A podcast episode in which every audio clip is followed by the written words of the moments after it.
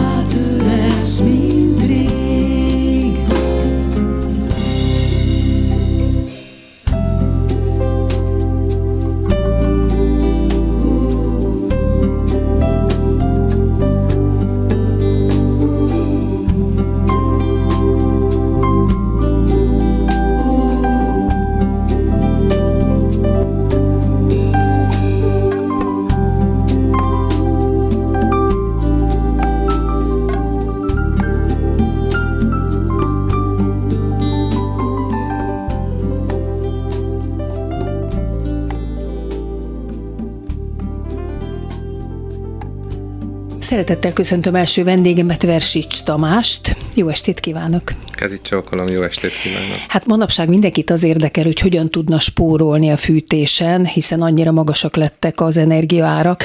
Ezért azt hiszem igazán mindenkit érdekel, hogy milyen fűtési rendszerek vannak, melyik mire jó, melyik mennyibe kerül, és melyik energiatakarékos. Talán kezdjük azzal, hogy Magyarországon milyen a házak általános állapota szigetelési szempontból. A hőveszteség az egy kulcs szó ebben a kérdésben, és talán ezt lehetne leképezni a házak épületfizikai tulajdonságait tekintve a hőszigetelés témakörével van javítandó feladat ezen a területen. Nagyon régóta veszőparipája a szakmának is, hogy az energiahatékonyságot ötvözzük a veszteségeknek a csökkentésével, és ez fogja okozni a legkézenfekvőbb és a legenergiatakarékosabb megoldást, ami ugye a rezsiköltségek számára is egy alacsony értéket fog jelenteni. A legrégebbi lakásokban gázkonvektorok vannak, ezek hogy működnek? Nem is így mondanám, hogy a legrégebbi lakásokban vannak gázkonvektorok, hanem amikor a főleg Budapesten vagy a nagyvárosokban a szilárd tüzelésről, először a városi, majd a földgáztüzelésre állami segítséggel áttértünk,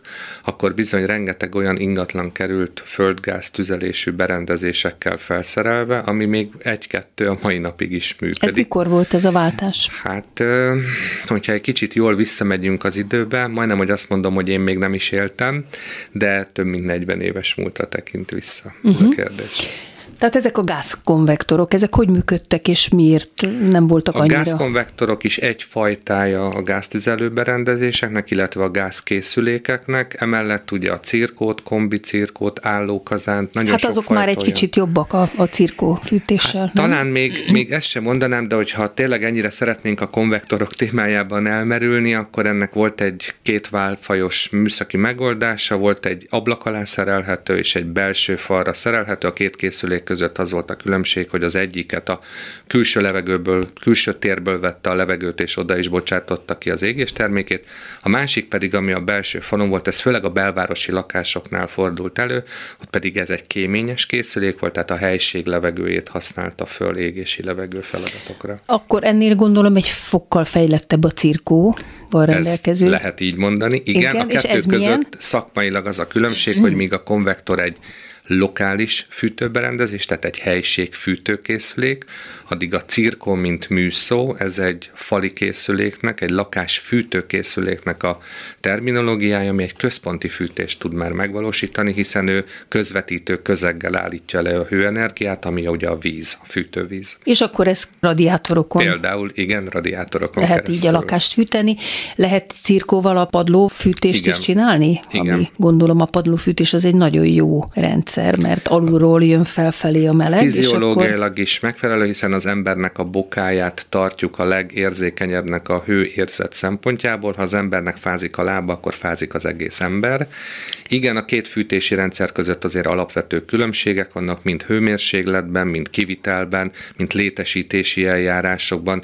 Egy radiátoros fűtést, ahogy lehet is látni egy lakásban, házban, ez szembetűnő, tehát fizikailag megjelenik a térben, addig egy padlófűtés az benne van a padlóburkoló rétegrendbe, és tulajdonképpen láthatatlan ilyen szempontból. Viszont milyen praktikus, lehet, jó érzéssel igen. lehet benne lenni. A cirkóhoz ugye jól tudom, hogy kell egy bélelt kéménycső. Inkább úgy mondanám, hogy a cirkó, hogyha így a klasszikus értelembe vesszük, és egy gravitációs levegőellátású, azaz kéményes készülékről beszélünk, akkor szükséges hozzá egy olyan önálló égéstermék elvezető, amit köznapi nyelven kéménynek hívunk, ami biztonsággal a szabadba vezeti a keletkezett égéstermék gázokat. De ezt egy pár éve már ki kellett béleltetni, hát ezt tudom, nálunk is így volt. Részben így van, azért kell egy nagyon picit mindig pontosítani, mert a köznyelvben ezek a kémény és égéstermék szavak sokszor összekeverednek.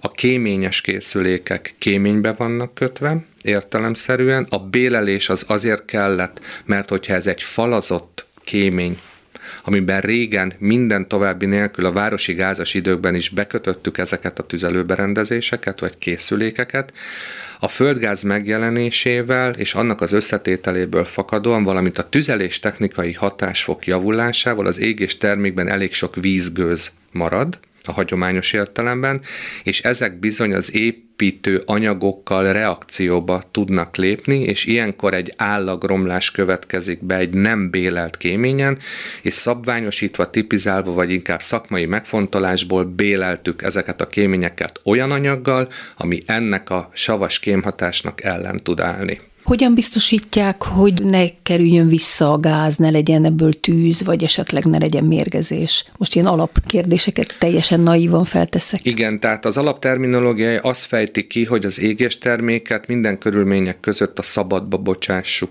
ki, és ott távozzon el a felhasználási helyről. Ha bekövetkezik egy visszáramlás, vagy feltételezhetően, akkor ott valami műszaki hiba okozza ezt a dolgot. A tüzelőberendezésnek a hibája, vagy leggyakrabb esetben, ami ezt okozza, az a légellátásnak az elégtelensége, mert ezt nem győzzük elégszer hangsúlyozni, hogy egy kéményes készülék esetében a felállítási térből veszi az égéshez szükséges oxigént a berendezés, hogyha annak a külső térből történő bejutását korlátozzuk, akkor bizony ez a készülék valahonnan levegőhöz akar jutni. Ez pedig a külső térrel összekötött kéményjárat, és innen, vagy ebből az okból fakadóan érkezik vissza az égés termék a, felállít, a készülék felállítási terébe, ahol ugye a kéményes készülékek esetében van a tetején egy úgynevezett áramlásbiztosító, lánykori nevén deflektor, és ez az elem szavatolja azt, hogy levezeti ezt a berendezést, ezt a keletkezett visszáramlást, viszont vissza a helységbe, amit utána ez a készülék megpróbál újra elégetni. És ugye az égés során alapvetően széndiokszid keletkezik, és a, a, az égés következtében a reakció egyenletbe, és hogyha ezt újra elkezdem elégetni, akkor egy nagyon komoly monoxidos, tehát egy szénmonoxidos állapot következik be, és ez okozza azokat a mérgezéseket, na, na, rosszabb esetben halálesettel végződő baleseteket, amit nagyon-nagyon szeretnénk elkerülni. De végül is, amikor jönnek és ellenőrzik a készülékeket, meg jön a kéményseprő, ellenőrzi a kéményeket, akkor ők biztosítanak minket arról, hogy rendben van a megvizsgálják készülék. az átjárhatóságot, megvizsgálják a Tehát nem történhet az, hogy egyszer csak ott arra ébredünk, hogy megfulladtunk. Már nem is ébredünk. Ezre törekszünk, ezért dolgozunk. Nekünk épületgépészeknek, vagy ezen a területen dolgozó szakembereknek, beleértve a kéményseprő szolgáltatást ellátó uh-huh. szakembereknek is az a feladatunk, hogyha ilyen típusú rendellenességet, vagy anomáliát látunk, ami ezt például ezt a légellátást, vagy a szabad átjárhatóságot korlátozza, nem megfelelőre, akkor szólnunk kell, fel kell hívnunk a figyelmet, értesítenünk kell, sőt adott esetben le kell zárnunk azt a berendezést, hogy egy ilyen baleset ne következzen be. De hát azért nagy átlagban nem következik be, a készülékek jók, a kémények jók. Igen, ez egy hagyományos dolog, amiről most beszélünk, ugye ez a múlt Isten igen, igazából, igen. mert ezek a kéményes készülékek az energiahatékonysági rendelet következtében, ami már 2013, 2015-ben az Európai Unióban, és 2018-tól Magyarországon is már a második szigorítási fokon átesvén olyan berendezéseket indukálnak, amikor cserélni kell, vagy új létesítést kell, amelyik nem a helységből veszik az égéshez szükséges levegőt, hanem úgynevezett zárt égésterű készülékek, tehát a kültérből veszik a levegőt, és a kültérbe adják vissza az égés terméket is. Tehát ez a probléma, amit most egy picit elég részletesen körüljártunk, nem mondom, hogy teljesen ki van véve a napi gyakorlatból, hiszen rengeteg kéményes készülék van még, de egyre kevésbé de a cirkóban is vannak ezek az zártak. Igen, most így már. Van, így van. Ez itt a Kovács Műhely Versics Tamással beszélgetünk a különféle fűtési rendszerekről. Beszéljünk egy kicsit a klímás fűtésről, hiszen nagyon sokan tanácsolják azt, és mondja, hogyha nem így van, Nálunk is például cirkós fűtés van, de ugye nagyon drága most már minden, energia is, meg a gáz is, hogy a klímával, hogyha az egy kicsit rásegít az ember, az nagyon sokat segít. Tehát, hogy egy alacsonyabb hőfokon tartjuk a cirkóval a lakásban a hőmérsékletet, és ha nagyon-nagyon hideg van, akkor egy kicsit rámelegítünk a klímával. Ez egy jól működő kombináció? Akinek van ilyen Úgy értem, akinek van ilyen természetesen. Azért kell ezt egy picit, és nem pejoratív értelemben értem ezt a választ benne, hogy miért indukálta az embereket, hogy elgondolkodjanak ezen a fajta fűtési megoldáson, mint hogy egy légfűtésbe? Mert jelen pillanatban a rezsiköltségeknek az alakulása az átlagos fogyasztáshoz rendelt lakossági, tehát egyetemes szolgáltatásra jogosultak körében a gázdíj, az az átlagérték meghaladtával egy 7-es, 8-as szorzóval, igen. szorzóval. Hát nagyon durva Igen, számlák a jönnek ki. villany, tehát az elektromos áram pedig az átlag fölött csak egy kétszeres Dupla, szorzóval igen. van. Tehát igen. ilyenkor egy picit el lehet gondolkodni, hogy szép magyar szóval élve, hogyan diversifikáljuk az energiaköltségeinket, és ehhez hogyan rendeljük hozzá az energiaforrásainkat. Ha mind a két forrás, földgáz, elektromos áram rendelkezésre áll, akkor mérlegelhetünk, hogy hogyan tudjuk a belső komfortunkat ennek a két energia forrásnak a felhasználásával optimálisra hozni. És a kérdésére visszatérve, igen, van létjogosultsága annak, de megfordítanám ezt a kérdést. Ugyanis ezek a úgynevezett klímák, amiket így hívunk, ezek valójában egy fűtő-hűtő, levegő-levegő berendezések, amelyek az új modern berendezések esetében inverteresek, tehát még a hőszivattyú nevet is megkaphatják. Ezt azért mondom így, mert kedvezményes tarifával is üzemeltethetők ezek a berendezések, amik kék kedvezőbbé Ez a bizonyos H-tarifa, Így ugye? igaz. Ezt is külön kérdés volt, hogy mi az a Így H-tarifa. van, ez pontosan így van. A klímákra is van egy ilyen? Igen. És azt hogyan lehet igényelni? A hátarifának az igénylése az az adott földrajzi vagy ö, szolgáltatási területen lévő energiaszolgáltató, jelen esetben ugye a villamos művek, ami ugye már nem létezik, de talán így a hétköznapi nyelven mindenki így szokta hívni, hozzá beadott kérelem alapján, tehát meg kell kérni ennek a bizonyos kedvezményes tarifának az igénylését, ehhez mérőhely tartozik,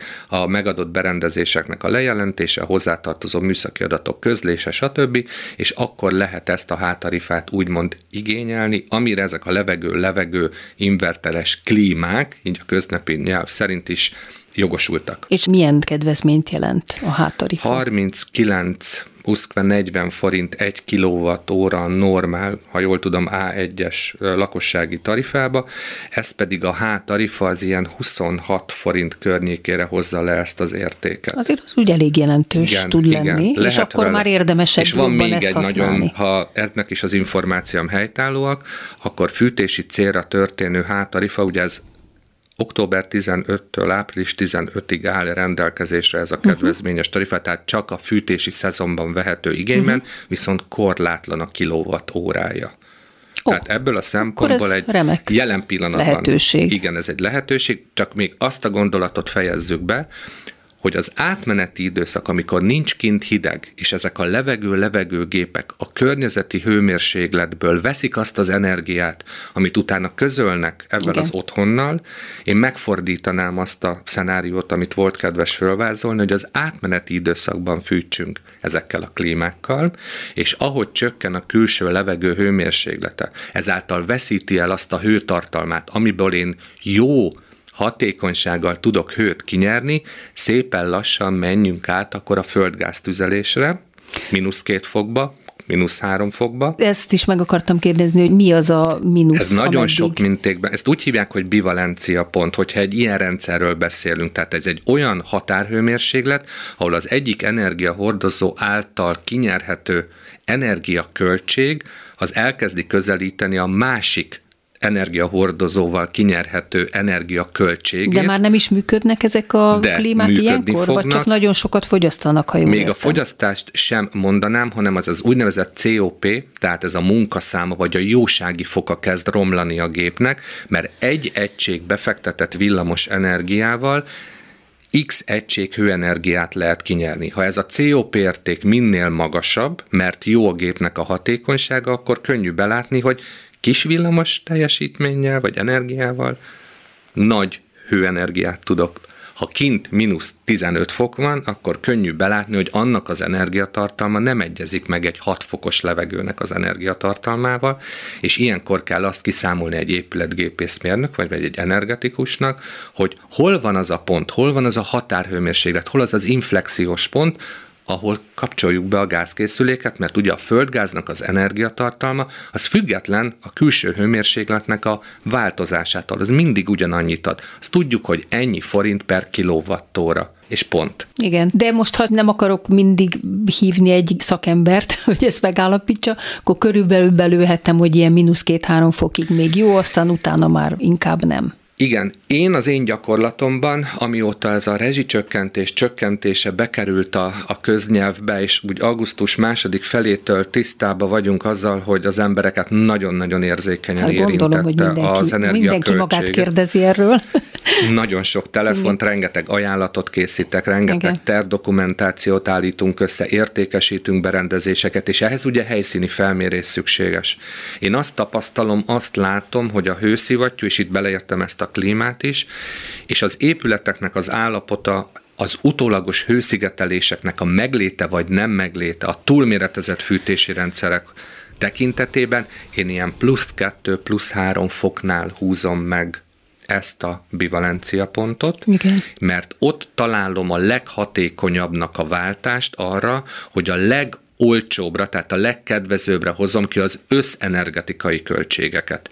Lehet játszani mínusz két-három fokig is bezárólag ezzel az értékkel, és Azért nem lehet exakt számot mondani, mert az épületgépészet hál' Istennek olyan szerteágazó és gazdag szakma, hogy minden épület és minden fűtés, minden rendszer más és más, és adaptálnunk kell ezeket a jellemzőket ahhoz, hogy egy egy meg tudjunk mondani egy optimumot egy épülethez. Na most, ha valaki éppen építkezik, és olyan szerencsés helyzetben van, hogy van pénze, tehát most Igen. tud választani, hogy mi a legoptimálisabb Igen. fűtési rendszer, hogy később aztán egyre Igen. alacsonyabban üzemeljen Igen. folyamatosan, akkor a hőszivattyús rendszert ajánlja? Egy dolog szól emellett, hogy az új épületenergetikára vonatkozó kötelező érvényű megújuló energiaforrás alkalmazása, ami 25%-ban deklarált egy új építésű ingatlan esetében. Ez a napelemek például? Akár, de a hőszivattyú ezt alapból megteszi. Egy gázkazánnak nincs megújuló részaránya, tehát ahhoz valamit tenni kell. A hőszivattyú miért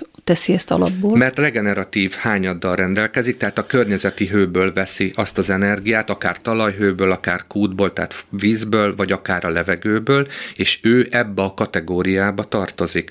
És egy új ingatlan esetében, amihez ugye ez a hőátbocsátási tényező egyre szigorúbb értékeket mutat, az azt jelenti, hogy az épületnek a külső burka már olyan jól hőszigetelt, olyan jó épület fizikai tulajdonsággal rendelkezik, hogy egy 200 négyzetméteres épület akár 5 kilovattal is beéri.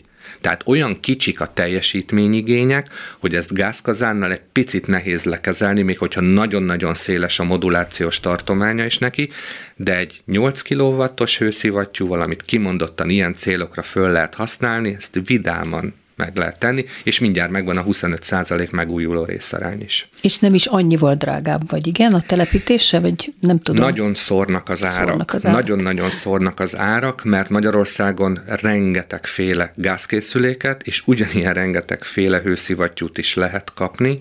Ez óriási felelősség kiválasztani a megfelelőt. Nagyon sok esetben ugye a versenyképességet, vagy az eladhatóságot a fizetőképesség határozza meg. Ez ezért nem mindig olyan készülék kerül be abba az ingatlanba, amiben oda való, főleg a mai helyzetben, ahol nagyon sok a szállítási határidő kérdése, és nem bírnak várni az ügyfelek rá. Ez egy picit sérül ilyenkor a hatékonyság, de óriási a választék. Tehát tényleg meg lehet találni a gombhoz a kabátot. Hát akkor azt hiszem, ez lesz a vége, mert annyira elszaladt az idő, még lett volna egy csomó kérdésem a kandalókról, akkor lett volna a napelemekről, hogy ezek hogyan alakítják, akkor a elektromos panelről, meg pelletkazán, ezeket még mind meg akartam kérdezni, de hát sajnos Ezek most... szinte önálló területek, térjünk vissza rá. Igen. Jó, hát nagyon szépen köszönöm, és hát gondolom most aztán igazán szétszedik magukat ebben az időszakban, ami van, de hát akkor jó munkát kívánok nagyon mindez, szépen és köszönöm köszönjük. szépen Versics Tamásnak, hogy eligazított minket a fűtési rendszereknek egy részére jutott idő, és hogy itt beszélgetett velem a Kovács műhelyben viszont hallásra. Kezét csókolom. És most jöjjön Pörszöltől a Colt Song Sting előadásában.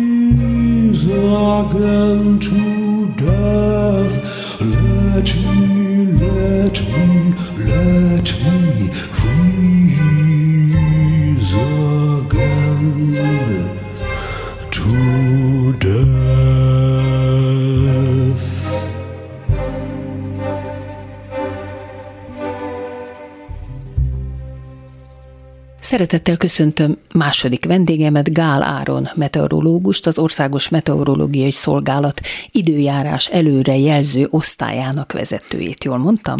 Igen, helyes. Helyesen mondtam. Köszöntöm. Jó estét kívánok. Jó estét kívánok, köszöntöm a hallgatókat. Hát most, hogy már tél van, és még jó sokáig fog tartani, mit tud nekünk mondani, milyen telünk lesz az idén? Hát ez az a kérdés, amit a imádnak a meteorológusok, előrejelző kollégák, azt megmondani ugyanis, hogy milyen telünk lesz. Hát, hogy enyhe vagy azt, kemény, legalább azt, csak annyit. Az gyakorlatilag lehetetlen.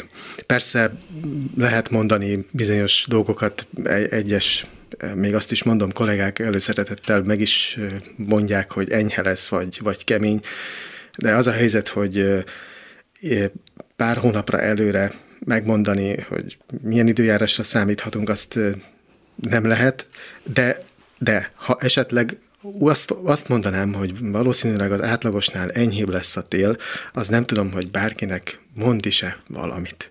Hogy ez vajon mit jelent. Mit jelent majd ez február 18-án, ha visszatekintünk, hogy hát itt enyhe telet mondtak a meteorológusok, mondjuk. Hát és nyilván ez inkább egy átlagot jelent, gondolom, nem? Igen, csak az átlag nem mindegy, hogy hogyan áll össze. Hogyan áll össze? Meséljen. Hát, ugye a, egy, a, a télnek az átlag hőmérséklete az gyakorlatilag egy országos átlag, ez egy szám, ami összeáll a december, január és február hónapok téli hőmérsékletéből. Ezt mióta mérik? Magyarországon éve? 1901 óta uh-huh, vannak uh-huh. mérések. Ugye akkor még abban az időben főjegyezve írásban történtek ezek a mérések, és ugye azt se felejtsük el, hogy ez más technológiát jelentett, és más időbeosztást, tehát úgy értem, hogy a gyakoriság más volt. Manapság már 10 perces adatok állnak rendelkezésére a meteorológusnak, abból az időszakból viszont csak óránként egy. Tehát azért egy némi neműleg az utóbbi mondjuk mondjuk 20-25 évben azért sokkal jobb a helyzet, számok tekintetében. Akkor inkább úgy kérdezném, hogy mennyire lehet előre megjósolni az időjárást, hát nem száz százalékig, de legalább ilyen 90 százalékra, egy napra, egy órára, egy hétre, most csak mondtam ilyen időszakokat. Ez, ez attól függ. Attól függ, hogy egyrészt milyen meteorológiai elemre vagyunk kíváncsiak, nem mindegy ugyanis, hogy hőmérséklet előrejelzést szeretnénk vegyük készíteni. sorba, hőmérséklet, viszonylag könnyebb az előrejelzése, de nem mindegy, hogy maximum hőmérséklet vagy minimum hőmérséklet. És ha már tél, mondjuk van-e hófelszín, vagy nincs. Ugyanis ha van, akkor ugye sokkal hidegebb tud lenni az éjszaka a nagyobb kisugárzás miatt, e, ezért erősebben lehűl a levegő értelemszerűen, mint a És mint akkor ezt így egy napra lehet körülbelül nagyjából megjósolni? Igen, ráadásul ugye az a helyzet, hát a, a hőmérséklet tekintetében azért mondjuk, mondjuk úgy azt lehet mondani, hogy egy hét, tíz nap azért nagyjából egy jó közelítés, de vannak ennek speciális esetei, amikor előfordul, hogy már a hetedik napra, vagy akár még korábban a harmadik, negyedik napra sem tudunk pontos időjárás előrejelzést adni, mert annyira nagy a a lehetséges kimeneteleknek a száma, hogy mondjuk, ha már tél van, mondjuk a mínusz 5 foktól, mondjuk egy maximum hőmérséklet előrejelzésnél mondjuk a plusz 5-ig minden hasonló valószínűséggel előfordulhat. Mi alapján állítják össze a előrejelzést? Milyen adatok alapján? Ahhoz egyáltalán, hogy előrejelzést tudjunk készíteni, ahhoz szükségünk van a mérésre. Tehát meg kell tudnunk mondani, hogy most a légkörnek milyen az állapota. Ugye ezt úgy kell elképzelni, hogy a, a, a szám, szám, szuperszámítógépek végzik ezt a, ezt a munkát gyakorlatilag, körbeveszik a Földet egy háromdimenziós rácshálózattal, amelynek a pontjaiban pontosan meg kellene tudni mondani, azért mondom, hogy kellene, mert majd mindjárt kitérek, hogy miért mondtam ezt, tehát pontosan meg kellene tudni mondani, hogy milyen állap, légköri állapot határozók az uralkodók, azaz milyen a hőmérséklet, milyen nedvességi viszonyok vannak. De úgy képzeljem el, hogy van egy háló, és akkor azoknak különféle fix pontjai vannak a térben, vagy ezt én rosszul értem? Nem, jól érti. Tehát nyilván ezt úgy kell elképzelni, ezt a, ezt a rácshálózatot, hogy a föld felszínhez közel, a közeli rétegekben. A közelt azt úgy értem, hogy körülbelül mondjuk három kilométer alatt, azért ez viszonylag sűrűn uh-huh. helyezkednek el, és aztán fölfelé haladva egyre ritkábbak már a, ezek, a, ezek a rácspontok. De ott mi van? Mert azt tudtam, hogy a repülőgépeken vannak kifejezetten ilyen ez nem fizik, ez, ez ugye nem fizikai, ez, ez, ez a számítógépben van ja, benne. Számítógépben, tehát lemodellezzük igen. a, ja, légkörnek, van, igen. a légkörnek az állapotát próbáljuk meg modellezni. Értem, értem. Elméletileg, ha minden, a légkör minden pontjában pontosan meg tudnánk mondani, hogy milyen idő van, tehát milyen hőmérséklet, légnyomás, stb., akkor abból elméleti szinten következne egy tökéletes előrejelzés, akár még több napra előre is. Csak az a probléma, hogy a légkör az ennél sokkal, de sokkal bonyolultabb.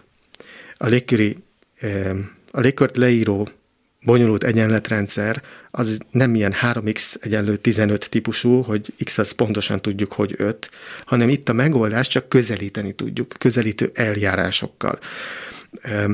Mert ugye vannak hegyek, nem egyenletes a földfelszín, vannak óceánok, szárazföldek, ezek mind-mind ugye akadályt képeznek, és ha már egy picit más, de, tehát ráadásul ezekre a, a kezdeti értékekre a magára az időjárásra érzékeny a modell. Tehát nem mindegy ad abszurdum, hogy 5,1 fok van most Budapesten, vagy 5,2. Már az előrejelzés szempontjából, akár a, a következő napokban. E, következő napokra előrevetítve, mert ez az 1 tized Celsius fok, lehet, hogy már az ötödik napon 3, 4, 5 vagy 6 fokos hibát eredményez az előrejelzésben. Értem. Na most ez volt a légkör. Akkor gondolom földviszonylatban rengeteget számíthat az óceánok és a tenger. Igen, ott viszonylag könnyű az előrejelzés. Ugye ahhoz, hogy ezeknél úgy szoktok mondani a rövid, illetve középtávú előrejelzéseknél, a rövid táv az nagyjából az két nap, a középtáv a kettőtől tíz napig terjedő előrejelzések. Ezeknél az előrejelzéseknél még nem annyira számít a, az óceánnak az állapota, tehát a csatolt, a különböző csatolt rendszernek az állapota. A klimatológiai modellekben, sőt a szezonális előrejelző modellekben viszont ezt már beleépítik, és megpróbálják leírni, hogy nagyjából milyenek lesznek az áramlási viszonyok, milyen lesz a, a, az óceánnak a hőmérséklete, ezt, és, hogy, és, hogy ez a, és hogy az hogyan változik, és az a változás hogyan hat a légkörre. Mert ugye ez egy oda-vissza játék.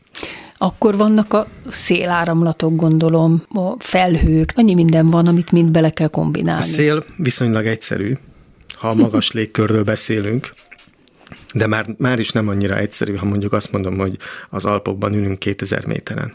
Ott már nem olyan egyszerű az előrejelzést elkészíteni. És ha meg azt mondom, hogy van egy hegyektől ölelt kis ország, legyen a neve Magyarország, akkor pedig végképp nem egyszerű a szél előrejelzése. Ugyanez, Akkor a napsütés? Ugyanez elmondható a, a felhőzetről. Különösen a téli időszakban, ugye novemberben is sokszor volt olyan nap, amikor tartósan megmaradt a borult párás időjárás, amik, és közben nem történt igazából semmi, de ha mondjuk ez a időjárás mondjuk szeptemberben van még, amikor el kellően nagy a besugárzás, akkor még simán egy nagyon szép csendes őszi nap, napsütéssel, most meg novemberben ugye ez együtt jár már a párás ködös idő kialakulásával, mert gyenge a besugárzás, és ha nincsen légmozgás, akkor bizony a, az itt felhalmozódó nyírko. Éjszaka ugye lehűl erősen a levegő, és bizony ez azt jelenti, hogy fel fog dúsulni az alsó légkörben a nedvesség, és szépen itt fogunk ülni a szürkeségben. És decemberbe kerülünk ezzel adásba, ki tudja, hogy akkor még milyen lesz ez az adás. Könnyen előfordulhat, hogy akkor is ugyan, a lehet, lehet, hogy amikor most adásban ezt bárki visszahallgatja, akkor ugyanígy a szürke eget fogjuk bámulni, de az is lehet, hogy havazni fog kint, ezt még nem lehet tudni. Na most mennyi hóra és csapadékra számíthatunk ezen a télen? Úgyhogy megint egy ilyen jó kis kérdést föltegyek, amire nyilván nem tud megint százszázalékos választ adni. Hát ugye a csapadék az az egyik legnehezebben előrejelezhető elem, a meteorológia, a meteorológiában, vagy a meteorológián belül, vagy az állapothatározókon belül. Hát most azt hiszem, hogy kicsit övön aludni lenne ide mm, citálni a záporok, zivatarokat, amikor tudjuk, hogy az utca egyik részén esik, a másik felén pedig ugye nem. De télen sem egyszerű, sőt, általában nem egyszerű. Nyilván, hogyha egy nagyobb rendszer érkezik, csapadékrendszer, abban a csapadék egzisztenciát, tehát hogy lesz vagy nem lesz, azt könnyebben előre lehet jelezni. A mennyisége az viszont sokkal nehezebb. Ezt ugyanis csak származtatjuk tapasztalati úton a, a nedvességi viszonyokból, a, a, hogy mennyi eső vagy hóvíz egyenérték tud kihullani a felhőből, tehát ez tapasztalati úton megy, nyilván nem lesz pontos, vagy legalábbis hibá, nagyobb hibával lesz terhelt, mint mondjuk egy hőmérséklet előrejelzés úgy általában.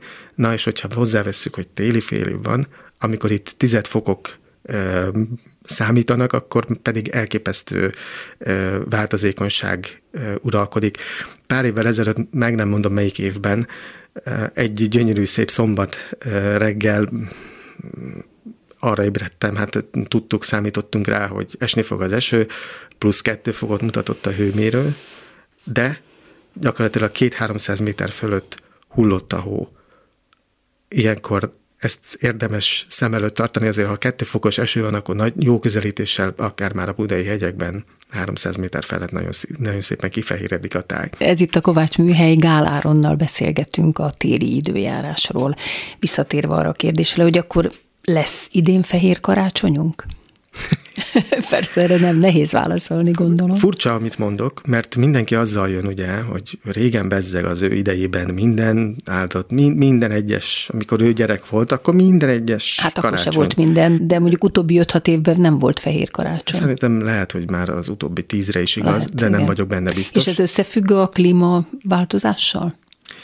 Összefügghet. Úgy általában is enyhébbek a telek. Tehát nagy átlagban nézve igen, azt, le, azt, lát, azt látjuk, hogy még ha vannak is hideg periódusok egy adott télen, úgy összességében az átlagos felett alakul a hőmérséklet a téli hónapokban. Én például nagyon kíváncsian várom, hogy valóban milyen lesz az idei tél, mert utóbbi években egy picit tendenciózus volt az enyhe tél, Egyes esetekben a szokatlanul enyhe, gondolok itt az idei februárra, amikor, amikor aztán tényleg már 20 fokos maximum hőmérsékletet is mértünk elég korán, és aztán persze ehhez képest visszakaptuk márciusban és áprilisban, csak nem éppen a szép formájában. Szóval nehéz, tehát és, a, és a, a korábbi évtizedekben sem volt jellemző. Valamelyik kolléga már nem tudom pontosan, hogy ki, megnézte, hogy, tehát megnézték, hogy azt hiszem talán csak minden harmadik karácsonyfehér, itt például Budapesten. Uh-huh. Ami meglepő lehet, ugye? De mondjuk az utóbbi tíz évben szerintem erre nem volt példa. Mire jó télen a hó? Most azon kívül, hogy a téli sportok miatt nagyon szeretjük, meg szebb is a táj, mert nincs latyak, de, de minek kell a földnek, a növényeknek jót tesz? Vagy egy védőréteket ad, vagy melegít, vagy nem tudom. Szigetel. Szigetel. Szigetel. Uh-huh. A, a, a földnek, meg a, a növényeknek ez nagyon optimális lenne, de ugye ha már azt feltételezzük, hogy hórét, megmaradó hóréteg alakul ki, akkor valószínűleg eléggé hideg, hideg légtömeg helyezkedik el felettünk, és hogyha azt figyelembe vesszük, hogy ha mindez az a hideg levegő úgy érkezik, hogy mondjuk nem havazással, hanem csak megkapjuk szárazon, és nem alakul ki hóréteg, akkor ugye sokkal jobban tudja károsítani a, a mezőgazdasági, meg egyáltalán ugye a növényeket. Tehát magyarul jobb, hogyha esik a hó. Jobb. Nem jobb. csak szebb, jobb Határozottan is. jobb, bár most szerintem, ha én ezt most így kimondom, akkor szerintem engem sokan elküldenek most melegebb éghajlatra. De hát tényleg sokkal jobb. De gondolom, ha már egy szóba hozta azért a munkájuk kapcsán, lehet, hogy sokszor elküldik önt melegebb hajlatra, mert hogy nem jött be az, amit Nagyon jósol. Ugye, igen, és akkor szidják a meteorológust, ugye sok vicc van erről, hogy, hogy vagy szép lesz az idő, vagy csúnya, vagy sütni fog, vagy esik, vagy lesz felő, vagy nem lesz felő. Hát, vagy az indián kő, ugye a nedves, akkor esik és hasonlók. Igen, mindenféle ilyen van. A népi megfigyelés szerint a Márton nap előre szokta jelezni, hogy milyen lesz a tél, hideg vagy enyhe. Idén milyen volt a Márton nap, és ebből mire következtetünk? Tudja esetleg? Jó kérdés, nem emlékszem rá, nem. hogy Márton mhm. napkor milyen időjárás uralkodott, de a Katalin az közelebb van. Hogyha kopog Katalin, akkor karácsony locsog, és fordítva. És akkor most hogy volt? Kopog. Hát ez most elég erősen locsogott szerintem, azért ma az ország jelentős részén ha a sok évi átlag felett alakult a hőmérséklet, és szépen sütött a nap, tehát ebből elméletileg az következne, hogy karácsony az valószínűleg, karácsonynak fagyosnak kéne lennie, és azt Idegnek mondom, hogy és esetleg havasnak. Hát esetleg havasnak. Hát sok, sokan úgy szeretik a karácsonyt, hogyha havas. Tényleg bebizonyított tény tudományosan, hogy melegszik a klíma, vagy ez nem egy száz százalékig elfogadott dolog? Ebben konszenzus van, ráadásul ugye itt... Tudományos mért, életben. Igen, igen, igen, igen. Tehát uh, itt mért adatokról van szó, és ezek azt mutatják, hogy a hőmérséklet tetszik vagy nem, de globális átlagban emelkedik. Mit tehet ez ellen az emberiség, vagy hogyan tud ehhez alkalmazkodni? Szerintem csak alkalmazkodni tud. Én abban pessimista vagyok, hogy tehát még, még egy ilyen pici ország is, mint Magyarország, nagyon sokat ebben nem tud tenni. Tehát a nagy kibocsátók azok, azok, azok nem a, a, ezek az országok amint azt tudjuk. És... De hát annyi népvándorlás volt már a föld történetében, hát végül is majd vándorolnak a népek följebb, meg majd Szibériába is lehet élni, nem? Hát ki tudja. Ez Tehát jó kérdés. Nem tudjuk, hogy ez hogy lesz. Hogyan hat a tengerekre és a légkörre a jégtakaró, meg az észak és déli sarknak a csökkenése és olvadása? A, a hőmérséklet emelkedése maga után vonja a tengervíz emelkedést, tehát a szintjének az emelkedését, és ugye itt városok, vagy legalábbis város, parti városrészek válhatnak emiatt lakhatatlanná, tehát víz alá kerülhetnek. De hát a hollandok is megoldották ezt a kérdést, és akkor föltöltik. Tehát lehet, hogy akkor majd megoldják, nem? Hogyha majd igen. száz év múlva itt tart az emberiség, akkor majd meg lesz erre a másik mód, hogy hogyan lehet ezen Ez simán előfordul. Segíteni. Térjünk vissza egy picit a mostani előrejelzésekre, hogy a különféle meteorológiai intézetek előrejelzései és a nemzetközi előrejelzések is egyértelműen egy az átlagosnál enyhébb telet jeleznek előre Európára vonatkozóan A Brit Meteorológiai Intézet, a NASA, az Amerikai Nemzeti Óceán és Légkörkutatási Hivatal, a Japán, akkor a Kolumbia Egyetem. A Magyar Meteorológiai Intézet is részt vesz ebben a világméretű vagy európai méretű előrejelzésben? Szerintem nem. Mi ugyanis ehhez kicsik vagyunk. Ahhoz ugyanis hatalmas erőforrás igény kell, hogy egy ilyen szezonális előrejelzést egy ország elkészítsen.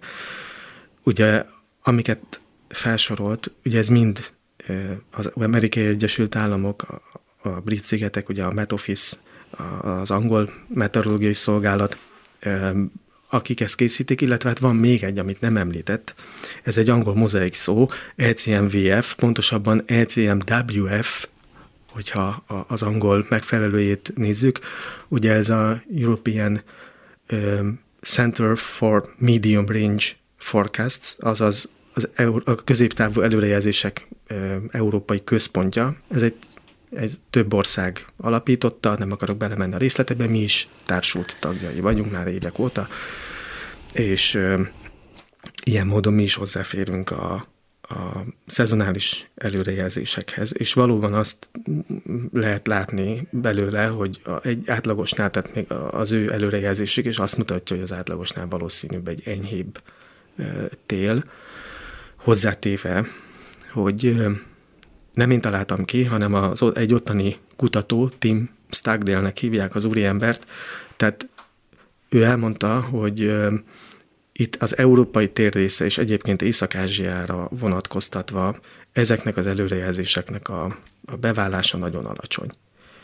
És hogy azért olyan messze menő következtetéseket ezekből nem illik levonni. Ráadásul a, a, az ilyen rövidebb időtartamú hidegbetöréseket nem is feltétlenül tudja megfogni. De mégiscsak csinálják ezeket az előrejelzéseket, és valamire csak használják. Kísérleti jelleggel. Kísérleti jelleggel, Tehát kísérleti jelleggel, mert erre gazdasági döntést hozni valószínűleg öngyilkosság. Hát akkor csak egy gyors befejező kérdés, hogy ön minek örülne jobban, hogyha enyhetelünk lenne, vagy hogyha keménytelünk lenne? Én egynek örülnék, hogyha csapadékos telünk lenne. Igazából az már nekem teljesen mindegy, hogy eső vagy hó formájában hullik a csapadék, de ö, olyan mértékű ö, vízhiány uralkodik többek között itt nálunk is. A talajnak a mélyebb rétegeiből még sok-sok milliméter víz hiányzik, és ez nagyon jó lenne, hogyha valahogyan lehetne pótolni. Úgyhogy én ennek trukkolok igazából. Köszönöm Gál Áronnak, hogy vendégeskedett a Kovács műhelyben viszont látásra. Köszönöm a meghívást. És köszönöm hallgatóink figyelmét Pályi Márk és Gál Bence munkatársaim nevében is. Az adás ismétlése ma este tízkor hallható, majd utána az archívumban is bármikor elérhető. Hallgassanak minket továbbra is az interneten és podcastként is. Jövő vasárnap egy újabb daltörténettel jelentkezik a Kovács műhelyben, Kovács Krisztával és vendégeivel. Álomfejtés. Ez a dalom lesz a következő adás témaadója, a szerzők Szirtes Edina Mókus és Fábri Péter. Első vendégem Vajda Júlia, szociológus, pszichológus lesz, vele az álmokról és azok megfejtéseiről beszélgetek. Utána Nyári Krisztián irodalomtörténészt és írót, Krúdi álmos könyvéről és a híres irodalmi álmokról fogom kérdezni. Kovács műhely vasárnaponként 5-kor, ismétlés este 10-kor, majd az archívumban is bármikor, viszont hallásra. És most következik a dal Álomfejtés.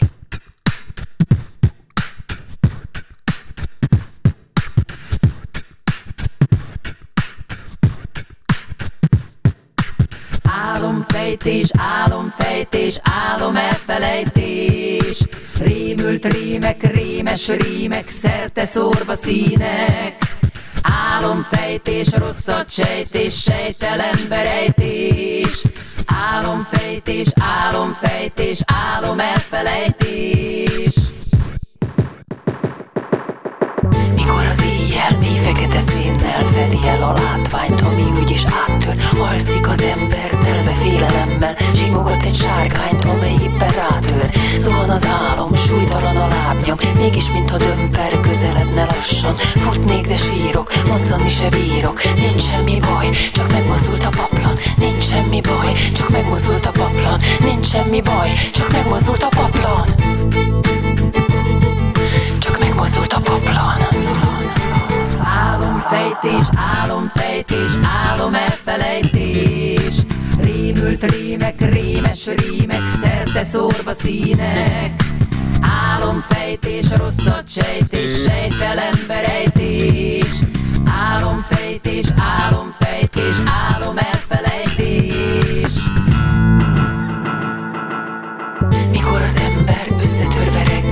pislogva ébred, feltekint az égre. Nem tudja hol van, kastélyban vagy hol van De aztán lassan nem szédül már végre. Eszébe jut, hogy merre járt az éjjel Szerte a széjjel, földön túli tájon. Álmai titkát nem kutatja inkább Nehogy a nappal is éjszakává váljon.